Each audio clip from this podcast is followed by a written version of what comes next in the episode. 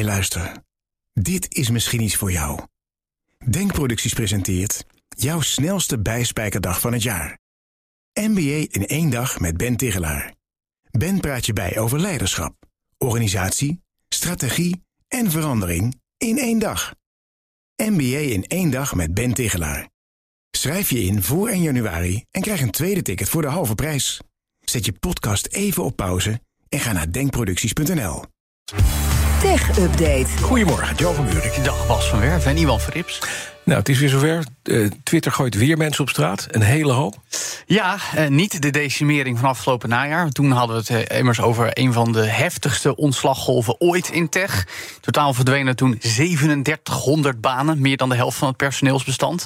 Maar procentueel hebben we het nu toch ook wel weer over een vrij forse ronde. Het is nog een beetje onduidelijk hoeveel mensen nou precies weg moeten. Maar we weten wel dat er nog ongeveer 2300 mensen werkten bij Twitter aan het begin van dit kalenderjaar. Niks. Volgens de berichten zouden er nu weer 200 weg moeten. Ja, ten opzichte van waar ze een half jaar geleden stonden, is het echt niks meer. En nog maar een derde eigenlijk. Heb je 44 miljard dollar voor betaald voor een clubje met ja, en dan kom je toch vooral de mensen, zou je zeggen. Maar goed, ja, daar wilde hij ook vanaf. Het, maar goed, ja. Um, diverse Amerikaanse media melden nu dus weer uh, nieuwe ontslagen. Waaronder de New York Times en ook Bloomberg. De getallen lopen dus uiteen. Want de Information zegt dan weer dat het er maar 50 zijn. Terwijl anderen dus uh, spreken van 200.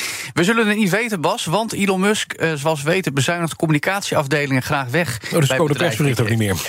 welk persbericht? nee, bij Tesla hebben ze ook al heel lang een communicatieafdeling meer. Bij Twitter ook niet. Um, wel horen we dat dit weer op een uiterst chique manier is gecommuniceerd naar nu uit. Nee, naar oh. nu ex-Twitter-medewerkers, namelijk via een e-mail oh. op zaterdagavond. Hoi. Uh, en sommige mensen kwamen erachter omdat ze opeens niet meer in de systemen konden. Uh, waaronder ook de uh, baas van Review, Nederlandse start-up in nieuwsbrieven, die Twitter jaren geleden overnam. Die als personeel ook kwijtraakte afgelopen najaar met die ontslaggolf. En nu ook zelf twitterde: hey, ik kan er niet meer in. Maar goed, ik ben op vakantie, doei Elon. Dus zo ging dat dan. Ook opvallend, een van de hoger geplaatste mensen die weg moest is Esther Crawford. Dat was juist. Ja, ik zie ook. Ja, dat is een mevrouw die was bezig met om Twitter Blue nou, helemaal. Zeker, ja, die was daar heel erg voor verantwoordelijk. En was ook een van Musks felste aanhangers. Want toen al die ontslagen afgelopen oktober waren, ja. was zij degene die twitterde hashtag sleep where you work. Ja. Om je deadlines te halen, moet je maar gewoon met een matras, toch? Lag ze achter het bureau in een soort slaapzak. Lag ja, we kunnen nu weer zeggen, she, she works where she sleeps, namelijk thuis. Precies. ja, dank voor het stelen van mijn grap. Dank je. Oh. Sorry. Mooi. maar goed, inderdaad. Maar ja, nee, dus uh, heftig. Nou, Meta heeft officieel gewonnen in een veelbesproken zaak tegen de Amerikaanse marktwaakhond. Ja, de pijnlijke nederlaag nou. voor de Federal Trade Commission. Die wilde voorkomen dat het moederbedrijf van Facebook de start-up Within mocht kopen. En dat is een ontwikkelaar van virtual reality toepassingen. Eigenlijk een van de allergrootste. Meta wilde daar 400 miljoen dollar voor betalen. Inmiddels hebben ze dat ook gedaan. Want ja, voor Meta is het heel belangrijk. Ik geloof nog altijd aan virtuality als de toekomst. Als facilitator van het metaverse. Maar dat is een discussie op zich. Want dit gaat om een harde tegenslag voor de topvrouw Lina Kaan bij de FTC. Die daar aangesteld is door Joe Biden. Om juist overnames in tech uh, ja, te gaan voorkomen. Tegengas te geven. Nu heeft de FTC intern besloten dat de antitrustklacht officieel wordt teruggetrokken. Eerder deze winter oordeelde de rechter al in de zaak in het voordeel van Meta. Die zeiden al, er is een gebrek aan bewijs dat deze overname echt schadelijk zou zijn voor de concurrentie op het gebied van virtual reality. Het is ook nog steeds een, ja, het bestaat al een tijdje, maar een vrij jonge tak van sport. En heel moeilijk te bewijzen is dat Meta daar uh, te veel concurrentie zou elimineren. Daarop is de FTC niet in beroep gegaan. Dat zie je normaal natuurlijk nog wel dat als een rechter in het voordeel van een andere partij spreekt, dat dat toch nog langer gaat duren. Twee weken geleden kon Meta daardoor de overname al afronden. Maar de FTC gaat het dus verder niet aanhankelijk maken. En dat is echt een klap. Zeker interessant, Bas, omdat de volgende zaak, dat is mijn favoriete stokpaardje, de overname van Activision Blizzard door Microsoft is. Voor veel meer geld, geen 400 miljoen, maar bijna 70 miljard dollar. Hm. FTC heeft daar al wel een uh, aanklacht gelanceerd. Maar we moeten nog zien hoe en wanneer die rechtszaak gaat spelen. En dan ja, hoor ik toch de, de analisten die ik spreek vooral zeggen dat Microsoft er best wel sterk voor staat. Dus als dat nog eens een tweede, veel grotere klap voor de FTC en Kaan is, hm. dan is de planning om ze aan te pakken nog niet helemaal nou, gelukt. We gaan doen. Ik denk dat het andere verhaal is wel, dit gaat om 70 miljard, ja, dat om 400 miljoen. Oh nee, het gaat nog veel langer belang is, Het belang is natuurlijk veel groter ja, nog. Absoluut. Nog even naar deze, vind ik interessant. Hm. Nokia heeft een nieuw logo. Ja.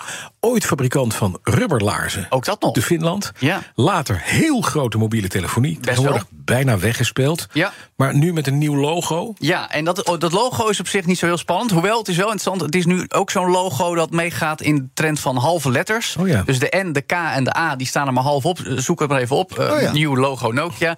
Kia heeft dat ook een tijdje geleden Ja, gedaan. KN. Waardoor mensen nu googlen op KN inderdaad. Wat is KN? Omdat ze KN lezen in plaats van Kia. Maar goed, dit nieuws van Nokia is boeiend... omdat de topman Pekka Lundmark benadrukt... dat ze mensen iets duidelijk willen maken.